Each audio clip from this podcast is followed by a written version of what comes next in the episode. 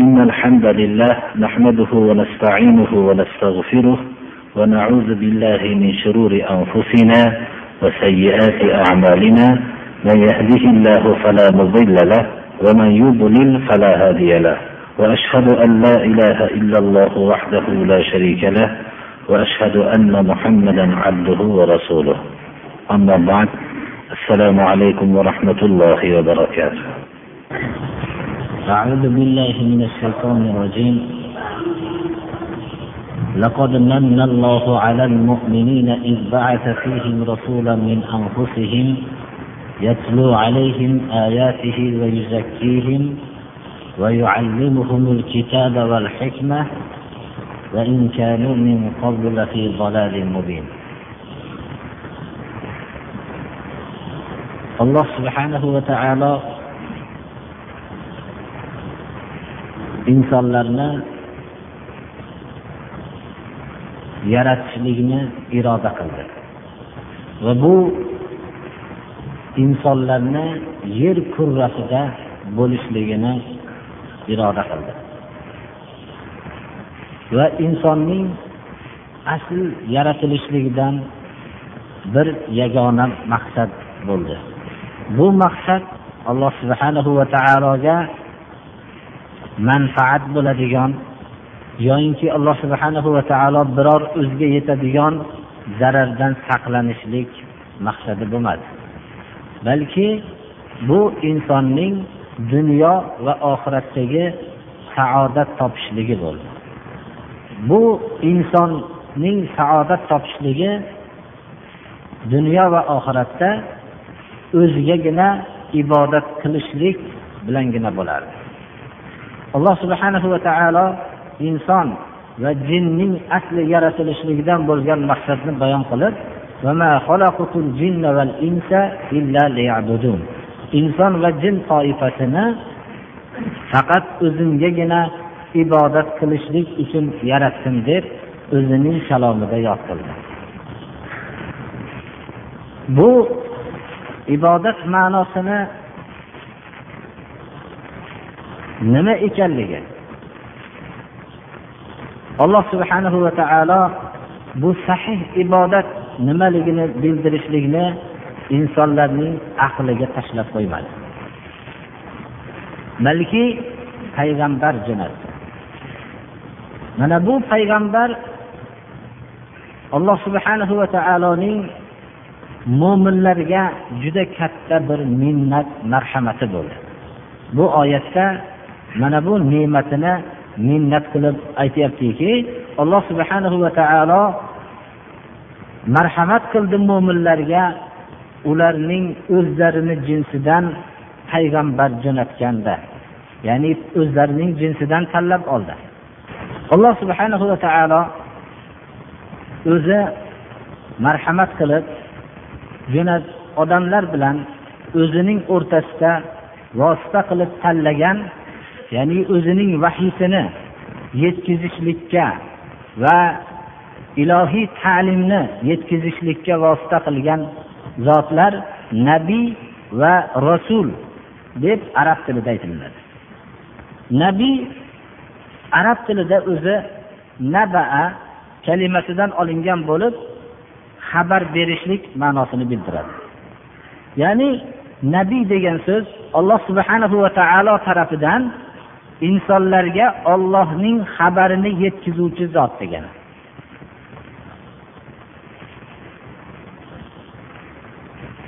istilohdagi ma'nosi nabiy alloh subhanahu va taolo jo'natgan payg'ambarning shariatini o'zining atrofidagi kishilarga ta'lim beruvchi. Rasul bo'lsa lug'aviy ma'nosi arab tilida deyiladi paydarpay tuya kelganligini bildirishlik uchun ya'ni rasul kalimasi alloh subhanahu va taolo jo'natgan kishi bo'lib bu kishi ollohning xabarlarini doim haydarpay qabul qilib yetkazib turuvchi kishi degan ma'noni bildiradi.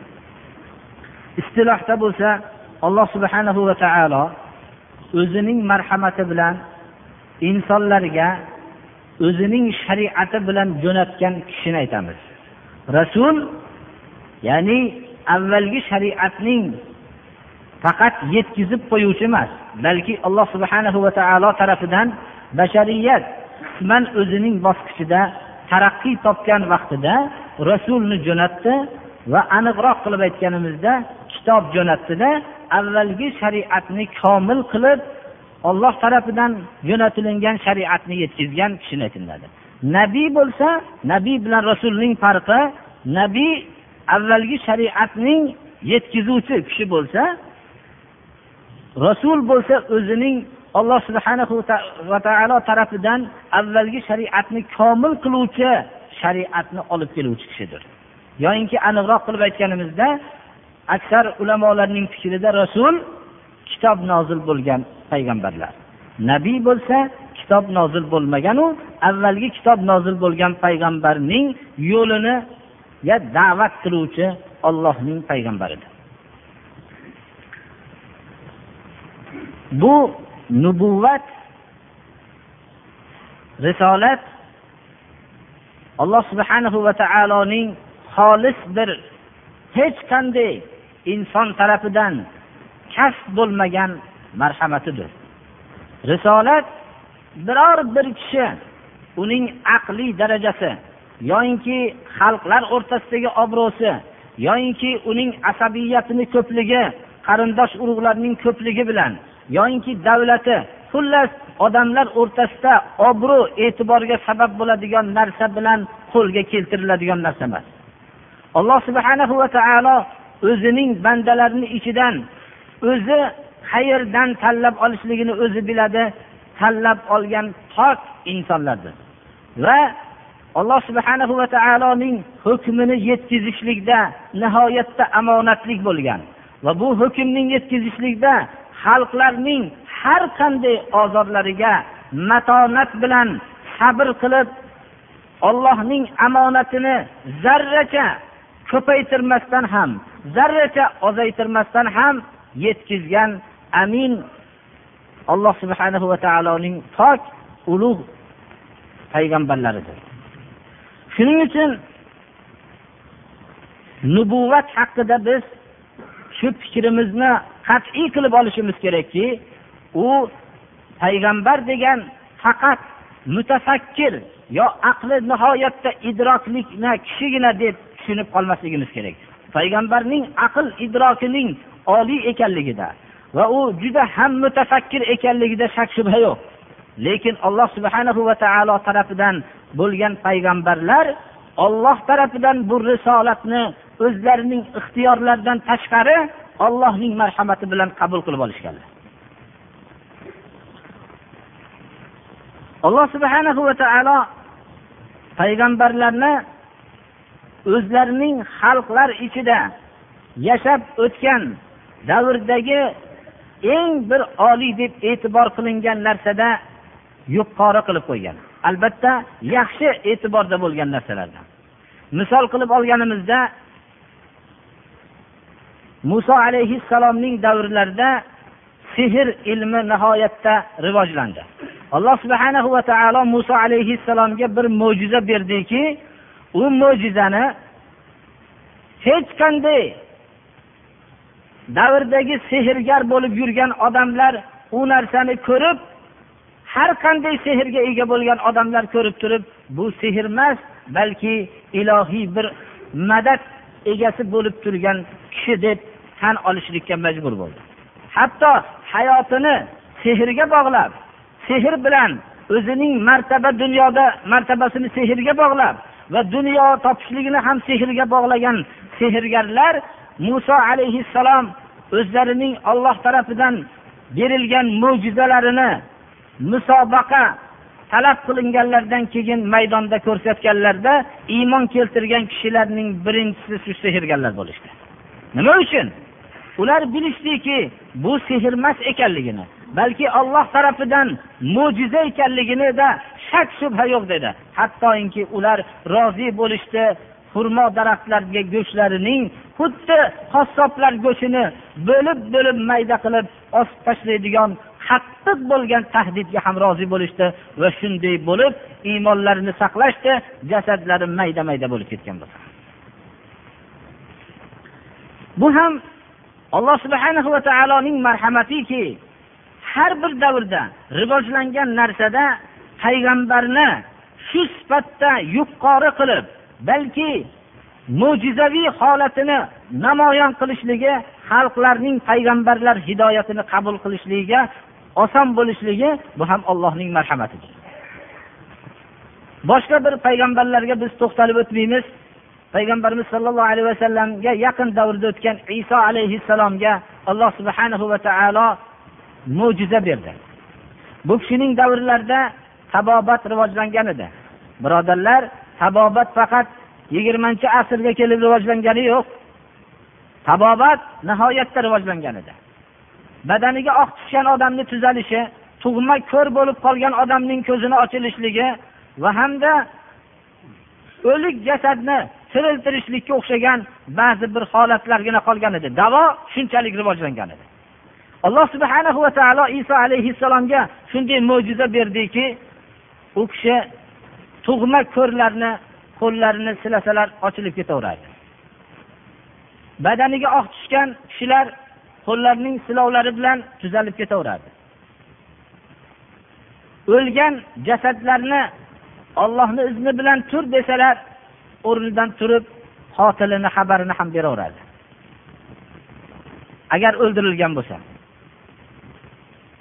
Loydan biror bir qushni shaklini olib shunga nafaslarini yuborsalar qo'llaridagi loy shakli qush shaklida bo'lgan loy qush bo'lib uchib ketardi. Mana bu mo'jizani tabobatda yuqori bo'lgan kishilar ko'rgandan keyin bu narsa ilm emas balki mo'jiza deb tan olishdilarda iymon keltirishlikka alloh subhanahu va taoloning hujjati quvvatli bo'lib qoldi. Alloh subhanahu va taoloning payg'ambarlarga mo'jiza berishligi bu yana bir tarafdan alloh subhanahu va taoloning rahmati ediki olimu omiy oddiy kimsalar va ziyoli kimsalar bu mo'jiza oldida turib tan olishardi. Va payg'ambarlar umrining qisqa bo'lishligi ularning mo'jizotlari ularni yo'lini ziyoli va oddiy kimsalarning qabul qilishligiga oson bir qulay narsa edi. Alloh subhanahu va taolo risolatini qayerga qilishligini o'zi biladi va risolatining qanday bo'lib odamlar ustida hujjat bo'lib barpo bo'lishligini o'zi biladi. Mana bunday mo'jizotlar bilan payg'ambarlarni quvvatladi. Xullas payg'ambarlar tarixiga qur'oni karimda va hadisi muboraklardagi tarixga nazar qilinsa ya'ni sodiq tarixga pok tarixga nazar tashlansa payg'ambarlar tarixida hamma payg'ambarlar ham mo'jiza bilan quvvatlanganligini guvohi bo'ladi. Rasul sollallohu alayhi vasallam oxirgi payg'ambar edilar. U kishi bilan payg'ambarlikka muhr bosilardi. Risolat tamom bo'lardi. Alloh subhanahu va taolo muhammad alayhissalomning risolati bilan risolatni tamomlashlikni iroda qildi. Shuning uchun boshqa payg'ambarlardagi mo'jizalar moddiy mo'jizalar bo'lgan bo'lsa rasululloh sollallohu alayhi vasallamdagi mo'jiza ko'proq ma'naviy mo'jiza bo'ldiki u kishidan keyin risolat kelmasligi qiyomatgacha bu mo'jiza saqlanib qolishligi kerak edi. Chunki moddiy narsa albatta o'zi fanoga tez ketadida u narsa oz fursat ichidan moddiy narsa tamom bo'ladi qur'oni karim rasululloh sollallohu alayhi vasallamga kelgan yagona mo'jiza deb tan olamiz. Boshqa mo'jizalar ham sodir bo'ldi. Moddiy mo'jizalar ham bo'ldi. Buning misollari mana hadis muboraklarda sihohistada keltirilgan ba'zi mo'jizotlarni aytadigan bo'lsak rasululloh sollallohu alayhi vasallam sahroda suvsiz holatda qoldilar. Shu suvsiz holatda qolganlarida imom buxoriy keltirgan hadislarda shunda suv olib kelishlikka buyurdilar. Ali ibn abi tolib va zubayr ibn avvom roziyallohu anhu ikkovlari suv olib istab ketishlik uchun ketayotganlarida bir ayol o'zining ikkita meshta suv olib kelayotganligini ko'rishdilar. Suvdan talab qilishganda bu suvni bermadi. Shunda u ayolni majbur qilishdiki rasululloh sollallohu alayhi vasallamni oldiga yurishlikka. Qayerga olib ketyapsizlar? dedi. Muhammad alayhissalomni oldiga. Deyishganda ular payg'ambarimiz sollallohu alayhi vasallamning ajdodlarining yo'lidan qaytgan deb aynigan deb aytishardi. Shuni oldigami? Deganlarda bular kallalarini qimillatib qo'yishgan bo'ldilar. Ha deyishmadilar. Aynigan degan so'zga rozi bo'lib qolinmaslik uchun. Bu ayolni olib kelishdilar. Olib kelganlarida suvlaridan oldilar. Olib qo'llarini suvga soldilarda qo'llarining oralaridan suv buloq bo'lib chiqaverdi hamma chanqaganlar ichishdilar. Hatto janobat yetgan kishilar yuvinib olishdilar. Markablar hammasi sug'ordi idishlar hammasi to'ldirildi va suvni qaytarib berdilar. Va bu suvdan foydalanganliklariga bir narsa jamlab beringlar dedilarda xurmo va boshqa ba'zi yeydigan narsalarni jamlab u ayolga sovg'a qildi. Ayol bu mo'jizani guvohi bo'lib turdi. Seni suvingga biz biror bir zulm qilmadikmi? deb so'radilar rasululloh sollallohu alayhi vasallam. U ayol yo'q deb javob qildi. Shunda qishlog'iga qaytib ketdi. O'zini suv bilan qishloqqa qaytgandan keyin qayerda uzoqqanligini sababi so'ralganda bu aynigan kishining oldidan kelyapman ammo madinani atrofida bunday katta sehrgarni ko'rganim yo'q dedi. Rasululloh sollallohu alayhi vasallam islomga da'vat qilayotgan vaqtlarda islom ahliga ko'p kofirlar mushriklar ozor bergan sabablar bilan o'rtada jihod barpo bo'lgan edi. Shu ayol yashagan qishloqqa hech qachon hujum qilmasdilar. Shunda ayol bir kuni shu qishloqning shunday osoyishta turganligini ko'rib o'zining vijdon azobi bilan aytdiki ey xalqlar nima uchun biror marta bir sizlarga hujum bo'lmaganligini sirini bilasizlarmi? Mana shu suvdan foydalanganlikni matorimi axloq ko'rsatyapti. Bu kishi bunday yo'lni qabul qilinglar deb da'vat qildi. Shu qishloq tamoman musulmon bo'ldi. Biz mavzudan boshqa narsaga chiqib ketgan bo'ldik lekin rasululloh sollallohu alayhi vasallamning mo'jizotlari juda ko'p. Allohning izni bilan ko'p mo'jizotlar alloh subhana va taolo bu kishiga berdi. Lekin takror aytamiz asosiy mo'jiza qur'oni karim bo'ldi. Qur'oni karimning mo'jizaligi hamma sohaga joylangan. Lafzida adabiyotchilar bunday uslubdagi lafzning inson so'zi bo'lishligi mumkin emas ekanligini tarixdan tolib insoflilari tan olgan. Undan tashqari ilmiy kashfiyotlarning ming yillab ilgari xabarini berganligi bu berilgan xabarning ba'zilari ming yillardan keyin kashf bo'layotganligi. Va shu bilan birga qur'oni karimning asosiy mo'jizasi qur'on o'zgarmas nizomligidir va daqiq nizomligidir. Qur'oni karimni hukmlarini huquqshunos olimlar hammasi haq ekanligini birma bir tan olib borishmoqda. Qur'oni karim mo'jizalari hatto islomning ashaddiy dushmanlari bo'lgan odamlarning dusturlariga ham islomning hukmini qabul qilmasa jamiyatni boshqarishlik mumkin emas ekanligini tan olishmoqda mana bu narsa qur'oni karimda سنريهم آياتنا في الآفاق وفي أنفسهم حتى يتبين لهم أنه الحق أولم يكفي بربك أنه على كل شيء شهيد biz o'zimizning mo'jizotlarimizni deydi alloh subhanahu va taolo. Ya'ni o'zimizning yakka ma'bud ekanligimizga dalolat qiluvchi mo'jizotlarimizni birma bir yaqin kelajakda ko'rsatamiz odamlarga hatto odamlarga ollohning yo'li qur'on haq ekanligi aniq ravshan bo'lguncha. Mana bu narsa payg'ambarlarga berilgan mo'jiza nihoyat darajada bir sodda va hali aytib o'tganimizdek oddiy kimsalarga va ziyoli kimsalarning tan olishligi uchun juda qulay bo'lishligi uchun mo'jizotlarni alloh subhana va taolo berdi. Payg'ambarlar dehqonchilikni rivojlantirishlik uchun kelgani yo'q.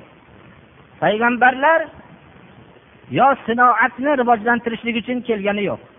Payg'ambarlar biror bir fanni rivojlantirishlik uchun kelgani yo'q. Payg'ambarlar tabobatni rivojlantirishlik uchun kelgani yo'q.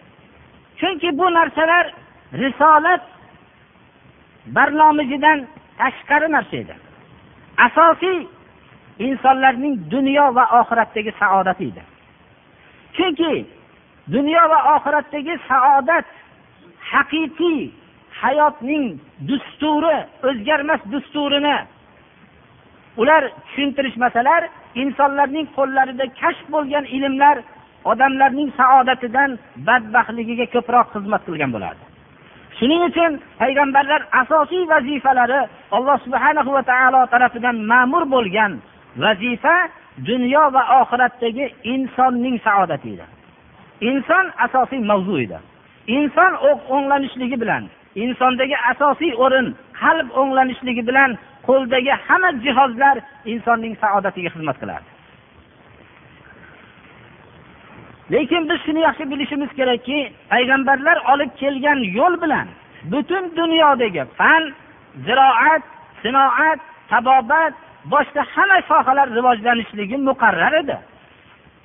Lekin asosiy ish buni rivojlantirishlik uchun emas chunki bu narsalarning rivojlanishligi rivojlanmagan insonning qo'lida bo'lishligi bilan bu baxtsiz narsalarga olib keladi shuning uchun alloh subhana va taolo risolatning asosiy muhim vazifasi insonlarni tarbiya qilishligi. Bu bizning mana islom tarixida amaliy suratda yo'naldi. Amaliy suratda ro'yobga chiqdi sahobalar payg'ambarimiz sollallohu alayhi vasallamning da'vatlarini qabul qilishdilar. Va shu da'vat qabul qilinishligi bilan tez fursatda dunyoning taraqqiyoti ham rivojlandi boshqalarning tarixidagi eng buyuk olimlariga tekshirib qaralsa uch yuz ellik va to'rt yuz yildan o'tmaydi. Aksarlariga. Ammo islom olamidagi olimlarni tekshirilsa yaqinlariga ming yil bo'lgan. Mana bu narsalar shuni ko'rsatadiki islom kirib kelishligi bilan hamma diyorlarga islom risolatning tarbiyasi kirib kelishligi bilan hamma soha rivojlanishligi tarixda isbotlandi. Shuning uchun biz rasul sollallohu alayhi vasallamning haqiqiy bir vazifalari nimada bo'lganligini mana bu bilishlikka muhtojmiz. Va payg'ambarlar olib kelgan yo'lni aql bilan biz qabul qilishlik va bir taraflama bo'lmoqligi kerak. Biz avval rasul sollallohu alayhi vasallamning olloh tarafidan jo'natilingan zot ekanligini bilishlikka biz aqlimizni ishlatmoqligimiz kerak. U kishi olloh tarafidan payg'ambar ekanligi isbot bo'lgandan keyin biz u kishini so'zini so'zlarini so'zsiz qabul qilmoqligimiz kerak. Shundagina biz payg'ambarga iymon keltirgan bo'lamiz. Payg'ambarlar olib kelgan yo'lni misol qilib oladigan bo'lsak qabul qilmayotgan odamlarning misolini xuddi shunga o'xshatamiz. Insonning ro'barasida dunyo xaritasi turibdi. Dunyo xaritasining bir qismi quruqlikdan iborat. Sahro ikkinchisi o'rmonlardan uchinchisi suvliklardan to'rtinchisi tog'liklardan iborat. Xaritaga yozilganki dunyo xaritasining suvli qismining eng chuqur joyi taqriban o'n kilometrni tashkil qiladi deb yozib qo'yilgan. Sahro buncha hajmni egallagan. Tog'ning eng balandligi misol qilib olganimizda jomilang cho'qqisi eng balandi sakkiz kilometrdan balandroq deb yozib qo'yilgan. O'rmonlar shuncha hajmni egallagan deb yozib qo'yilgan. Dunyo xaritasini oldida turgan kishi buni qabul qiladi. Payg'ambarlar shunchalik bizga lo'nda sodda shaklda qilib olib kelishdilar. Misol qilib olganimizda. Balki bundan ham sodda biror bir xizmat haqqi talab qilmasdan olib kelishdilar. Buni qabul qilmayotgan odamning misoli shunga o'xshaydiki eng katta suvlikdagi chuqurlik o'n kilometr degan so'zni men qabul qilmayman. Mening yonimda besh metrlik jihoz bor. Odamlarda bir metrlik bo'lsa menda besh metrligi bor hatto.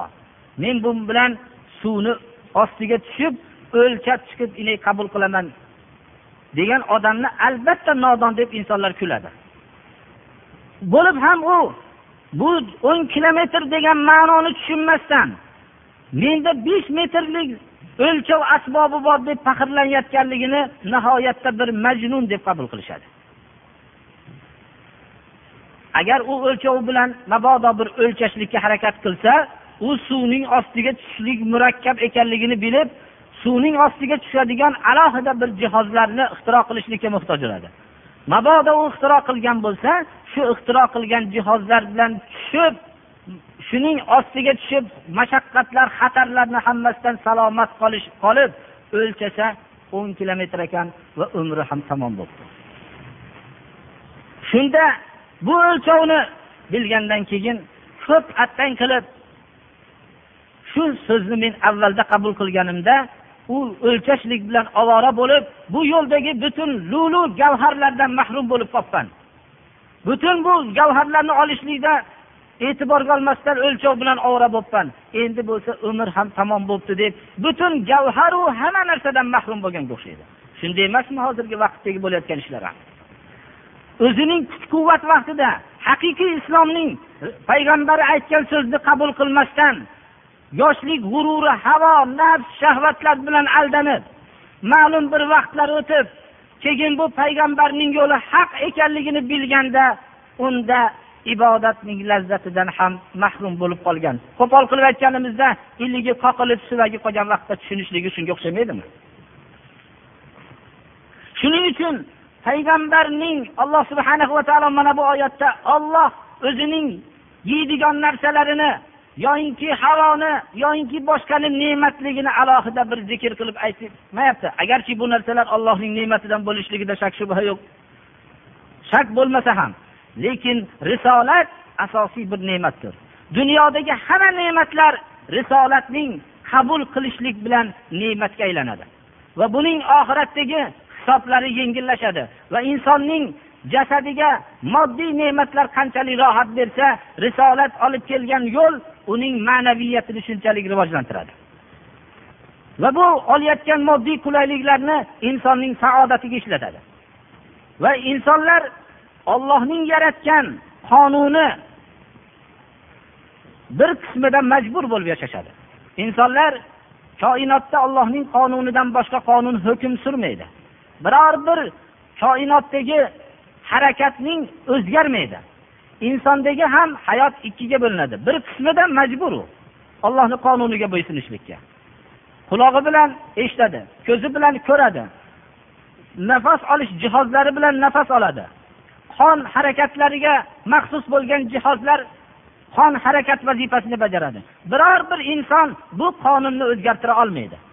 Yurak qon vazifasini bajargan bo'lsa ko'p yillar harakat qildi o'pkani nafasni qonga bu qon harakatini nafasga almashtiraylik deyishlik hech kimni huquqida yo'q.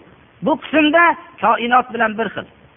Hayotining ikkinchi qismi alloh subhana va taolo o'zgarmas qonunni koinotda va insonda tuzganga o'xshagan insonning ixtiyoriy hayotida ham o'zgarmas qonunni tuzdi. Bu qonun qur'oni karimdir. Mana bu qur'oni karimga bo'ysunishlik ixtiyori bilan bo'ysunsa insonning majburiy qonunga bo'ysunishligi va o'zi yashab turgan muhit koinotdagi majburiy qonun alloh subhana va taolo tarafidan tuzilgan qonunga koinotni bo'ysunishib turishligi bilan o'rtada qarama qarshilik vujudga kelmaydi. Chunki u ixtiyori bilan olloh tarafidan o'zgarmas qonunga bo'ysunyapti. Demak uchta tarafdan bo'lgan qonun o'zgarmas bo'lib turibdi. Mana bu joyda qarama qarshilik vujudga kelmaydi. Ammo o'zi ixtiyori bilan ollohning qonuniga bo'ysunmasa uning jasadi bo'ysunayotgan qonun bilan o'zining ixtiyori bilan bo'ysunmayotgan qonun o'rtasida qarama qarshilik vujudga keladi. Endi u bo'ysunmayotgan u baribir bo'ysunmasdan bir qonundan tashqariga chiqmaydi. U havo qonuniga bo'ysunib yashaydi. Yoinki o'ziga o'xshagan bir insonning tuzib bergan qonuniga bo'ysunib yashaydi. Mana bu narsa alloh subhana va taoloning o'zgarmas insondagi qonuni bilan va koinotdagi o'zgarmas qonun bilan qarama qarshi bo'lib inson badbaxt bo'lib yashaydi. Hamma moddiy qulayliklar ichida u qandaydir bir narsani yo'qotib qandaydir bir hayotdan qochayotganligini his qiladi. U hayotdan qochayotgan vaqtida axloq bilan qochmaydi hayotdan qochishligini birinchi kashandalik bilan qochadi. Mast qiluvchi ichimliklarni ichishlik bilan o'zining hayollarini oladigan narsalar bilan va to'xtalmagan o'yin kulgilar bilan o'zini ovora qilishlik bilan qochadi. Nima uchun? Bu baxtsizlik qayerdan kelyapti? Risolat tarafidan kelgan qonunni insonning hayotidagi ixtiyoriy tarafi bo'lgan. Mana bu ixtiyori bilan qonunni ollohning o'zgarmas qonuni olmaslikdan kelib chiqyapti. Hozirgi zamondagi eng mutaxassis odamlar ham mana bu baxtsizlikning sirini ushlashyapti bu sirini alloh subhana va taolo bizga ko'p yillar bahs qilib istashlik holatida qo'ymadida balki bizlarni baxtli qilib olloh tarafidan bizga payg'ambar jo'natdi. Va bu payg'ambarlarni eng pok insonlar qilib yaratdi. Va shular biror bir hayotlarida bir narsaga xiyonat qilishmadilar. Va alloh subhana va taolo tarafidan jo'natilingan vahiyni komil suratda yetkazishdilar. Shu munosabat bilan vahiy haqida qisqacha bir ma'lumot bermoqchiman vahiy nima alloh subhanahu va taolo insonlarga gapirishligi mumkin emas magar uch tur bilan gapirdi sura shuroda وما كان لبشر أن يكلمه الله إلا وحيا أو من وراء حجاب أو يرسل رسولا فيوحي بإذنه ما يشاء إنه علي حكيم alloh subhanahu va taolo mana bu oyatda insonlarga ollohning gapirishligi mumkin emas magar uch tur bilan gapiradi birinchisi vahiy bilan ikkinchisi parda orqasida turib va uchinchisi elchi jo'natadi elchi ya'ni payg'ambar jo'natadi o'zining izni bilan xohlagan vahiy qilib bu payg'ambarga vahiy qiladi. Vahiy ya'ni u payg'ambar eshitadi xolos. Olloh oliy zot kimga o'zining risolatini jo'natishlikda hakim bo'lgan deyapti mana bu birinchisi vahiy bilan gapirishlik. Insonning qalbiga alloh subhanahu va taolo vahiy yuboradi. Bu inson ya'ni payg'ambar biladiki bu olloh tarafidan deb biladi. Misol qilib olganimizda payg'ambarlarning tushlariga o'xshagan. Rasululloh sollallohu alayhi vasallam olti oy tush ko'rdilar. Hiro g'orida ibodat qilishlik uchun xalqdan chetlanib ketganlarida olti oy tush ko'rdilar. Mana bu avvali bo'ldi. Shuning uchun ham tush payg'ambarlikning qirq oltidan biri deganlikning siri shuki risolat rasululloh sollallohu alayhi vasallamning davrlari yigirma uch yil bo'lgan olti oy yigirma uch yilning qirq oltidan biri hisoblanadi. U kishining tushlari vahiy bo'lgan. O'tgan payg'ambarlarning tushlari vahiy bo'lganga o'xshagan. Lekin odamlarning tushlari u ikki qism bo'ladi. Ba'zilari bir shaytoniy tush ko'radi. Vasvasa va boshqa narsalar. Bu tush boshqa voqeaga hujjat bo'lmaydi. O'zi uchun alloh subhanahu va taolo tarafidan bo'lgan ilhom bo'ladi. Bir kishi tushunda shu narsani yeyapman deb harom bo'lgan narsani halol yeyglar deb aytishlikka hech haqqi yo'q o'zining yeyishligiga ham haqqi yo'q. Tush alloh taolo tarafidan ba'zi bir yaxshi holatlarda ilhom bo'ladiki uning ba'zi baxt saodati yoinki ba'zi baxtsizligi haqida bo'lgan olloh bilan banda o'rtasidagi ba'zi bir sirlardir ibrohim alayhissalom tushlarida ismoil alayhissalomni so'yayotganliklarini ko'rdilar. Mana bu tushlarini uchinchi kunda ham takror ko'rganlaridan keyin bildilarki alloh subhana va taolo tarafidan ekanligida shak shubha yo'q deb bunga amal qilishlikka kirishdilar. Yoinki parda orqasidan deb aytildi qur'oni karimda. Buni misoli shuki muso alayhissalomga alloh taolo gapirdi. mana qur'oni karimda فلما أتاها نودي من شاطئ الغادي الأيمن في البقعة المباركة من الشجرة أن يا موسى إني أنا الله رب العالمين آية موسى عليه السلام يا الله سبحانه وتعالى tarafidan nido qilinganligiga dalolat qiladi demak parda orqasidan deganimiz alloh subhanahu va taoloni hech kim ko'rgan emas muso alayhissalom ham ko'rgan emas kimki muso alayhissalom ko'rganlar desa bu bo'stonchilik aytgan bo'ladi. Qur'oni karimda muso alayhissalom ollohni ko'rishlikni talab qildilar. Robbi arini anzur ilayk dedilar. Ey robbim menga bir o'zingni ko'rsatgin men bir senga qaray dedilar. Shunda alloh subhanahu va taolo tarafidan hargiz ko'ra olmaysan dunyoda alloh subhanahu va taolo o'zini ko'radigan ko'zni dunyoda yaratmadi. Qiyomat kuni alloh subhanahu va taoloni olloh xohlagan baxtli insonlar ko'radi hadis sharifda ham bu sobit bo'lgan. Qur'oni karimda sura qiyomada bor.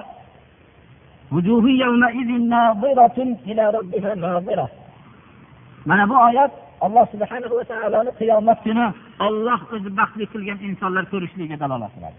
Hadis sharif sizlar olloh rabbiylarni ko'rasizlar qiynalmaysizlar xuddi to'lin oyni ko'rayotgan vaqtinglarga o'xshagan. To'lin oyni ko'rishlikda sen pastroq turib turgin men ko'rmay qolyapman deb hech kim aytmaydi. Qiynalmasdan turadi. Yoki alloh subhana va taolo payg'ambar jo'natadi.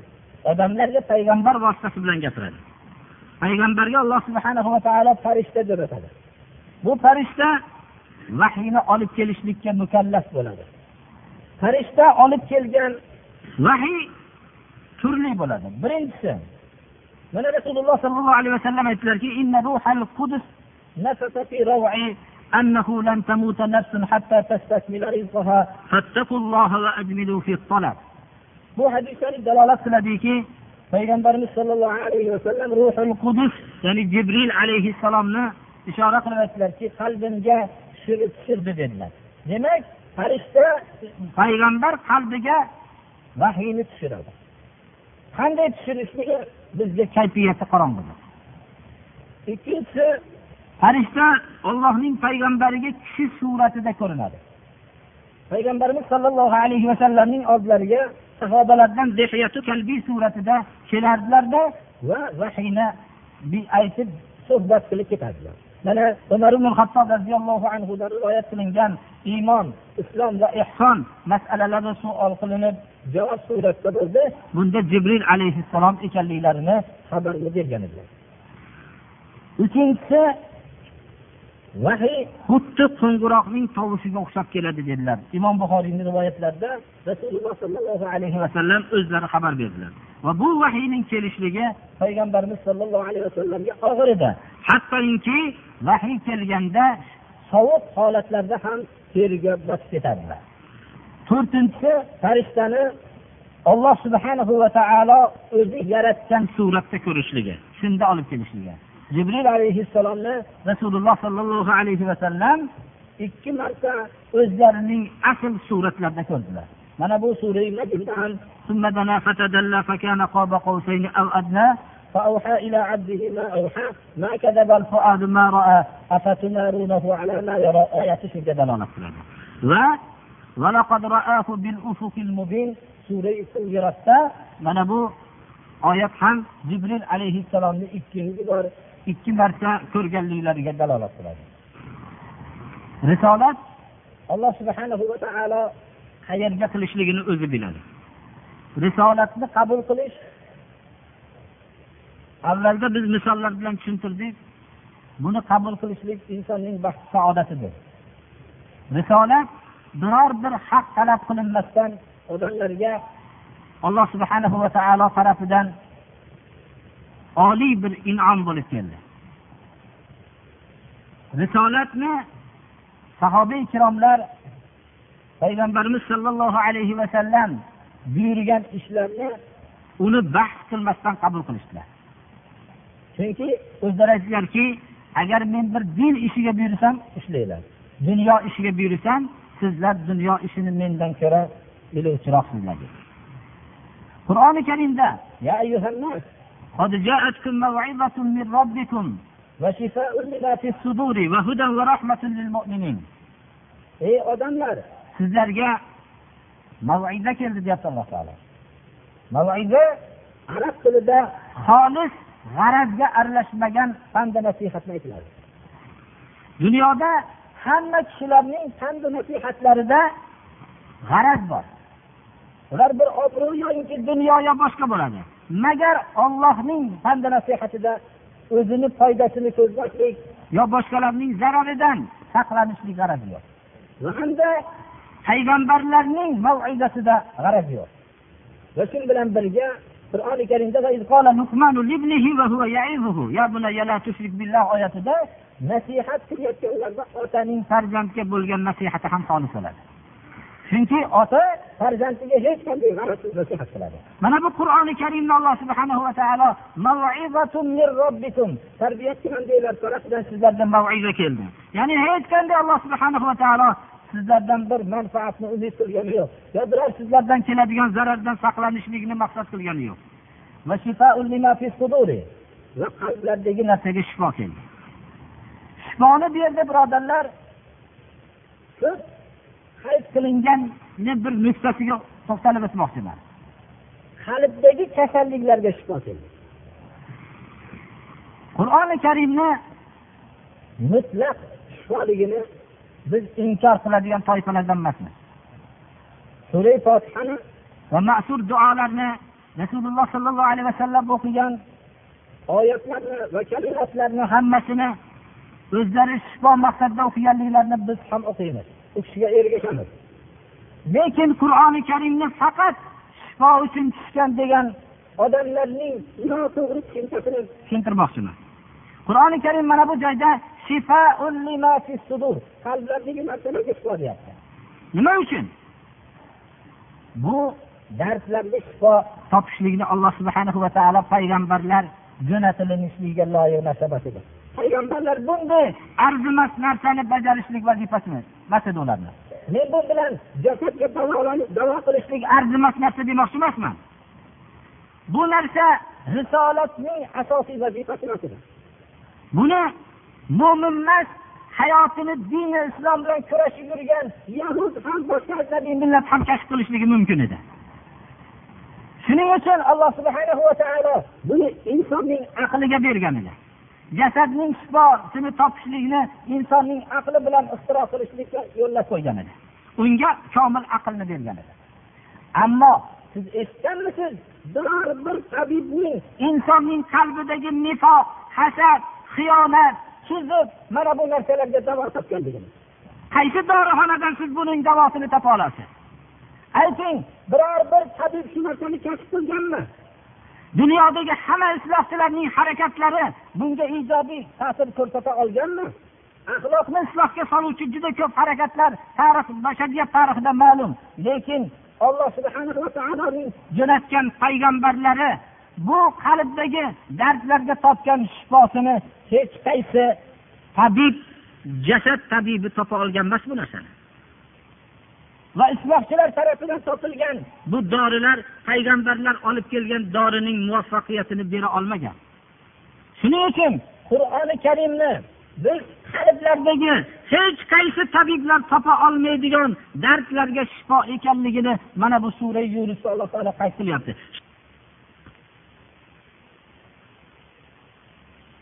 Vazifalari mana shu narsadan iborat bo'lgan. Ularning dorularini iste'mol qilgan bashariyat jamiyati albatta muvaffaqiyatga erishgan va bu qalblardagi kasalliklarini tuzatishgan. Ilm modomiki insonning qalbidagi insonga itoat insonga aylanmas ekan bu ilm hech qachon bu manfaat bermaydi. Ilm yangi kashf qilingan ilm sayyoraga aylansa manfaat bermaydi. Mana hozirgi vaqtdagi ilmlarni aksarini ko'ring. Ilm sayyoraga aylandi. Ilm tayyoraga aylandi. Insonning qalbida kashf bo'lib turgan ilm tayyoraga aylandi. Lekin bu tayyora hech narsa qilmaydi har qancha murakkab jihozlarga ega bo'lsa ham. Lekin alloh subhana va taoloning yaratgan insoni iymon bilan qalbidagi kasalliklarni davolagandan keyin bu tayyorani boshqaradi. Shunda u manfaat yo'liga boshqaradi. Bo'lmasam uni zalolat yo'liga boshqaradi. Mana hozirgi vaqtdagi kashf qilingan ilmlarning inson saodatidan ko'ra uning shaqovatiga xizmat qilayotganligidan o'zi kashf qilgan odamlar o'zi afsus yeb turibdi agar shu fanlarni ixtiro qilgan odamlar hozir tirilib kelganda insoniyatdan uzr so'ragan bo'lardi. Bu ilmlarning nimaga xizmat qilayotganligini ko'rib. Urubbo olimlardan bittasi musulmon olimiga faxrlanib biz? Havoda uchyapmiz suvda suzyapmiz. Sizlar qoldinglar deganda to'g'ri. Havoda uchyapsiz suvda suzyapsiz lekin yerda yurishlikni esdan chiqardingiz haqiqatda ham havoda uchilyapti suvda suzilyapti lekin yerda insoncha yurishlikni esdan chiqarildi. Risolat asosiy vazifasi biz aniqroq qilib lo'ndaroq qilib aytganimizda yerda insoncha biz yurishlikni bizga ta'lim bergan yana bir kishi ba'zi savollarga to'xtalib o'tamiz. Bu kishi aytibdilarki qora aka qazo namozini qanday o'qiladi? debdilar biz shuni aytamizki buni islom olamida vujudga kelmagan bu savol birodarlar. Chunki iymonni qabul qilgandan keyin namozni qazo qilgan kishi topilmagan. Magar qazo qilinsa uxlab qolishlik bilan qazo qilinadi ixtiyordan tashqari. Va to'xtalmasdan jihodda to'xtamasdan jihod qilib turgan soatda namoz to'xtatiladi. Rasululloh sollallohu alayhi vasallam handaq g'azotida asr namozini o'qiyolmadilar kun botib ketguncha chunki mushriklar biror soniya ham musulmonlarga dam bermasdan qattiq bir jang qilishgan edi. Va yana rasululloh sollallohu alayhi vasallam ashoblar bilan sahroda kelishayotganlarida kechqurun salqinda yurilib qolganda hamma sahobalar dam olishlikni iltimos qilishganlarida payg'ambarimiz sallallohu alayhi vasallam dam olishlikka ruxsat berdilar. Hammalari charchab qolib tayinlab qo'yilgan kishilar ham charchab uxlashib qoldilarda ertalab umar ibn hattob birinchi turib takbir aytganlarida kun ko'tarilgan shunda shu yerdan jilib boshqa yerda qazosini o'qidilar.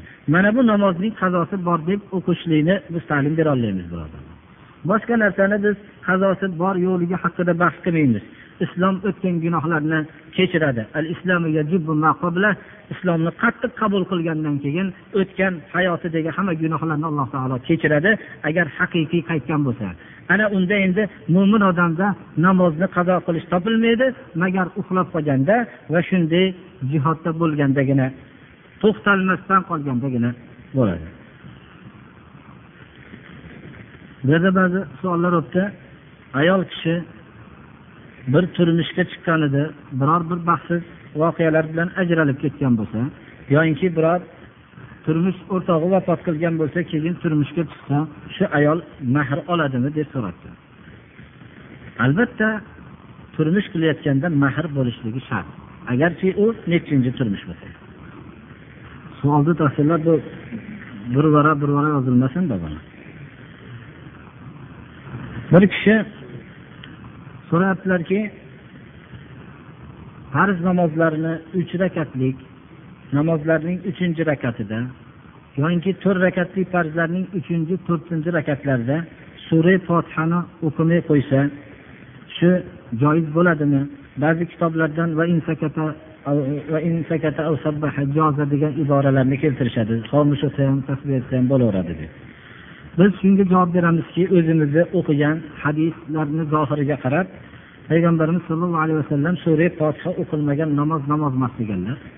Shuning uchun avvalo uch rakatli bo'lsin to'rt rakatli bo'lsin hammasida sura fotiha o'qishlik shart deb bilamiz u kishi shom namozini so'rayapti.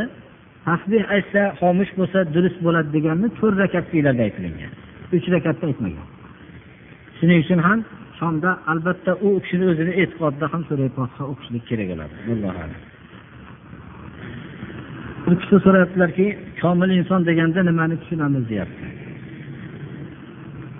Biz komil inson deganda eng insonlarning ichidagi komil inson muhammad alayhissalom deb bilamiz.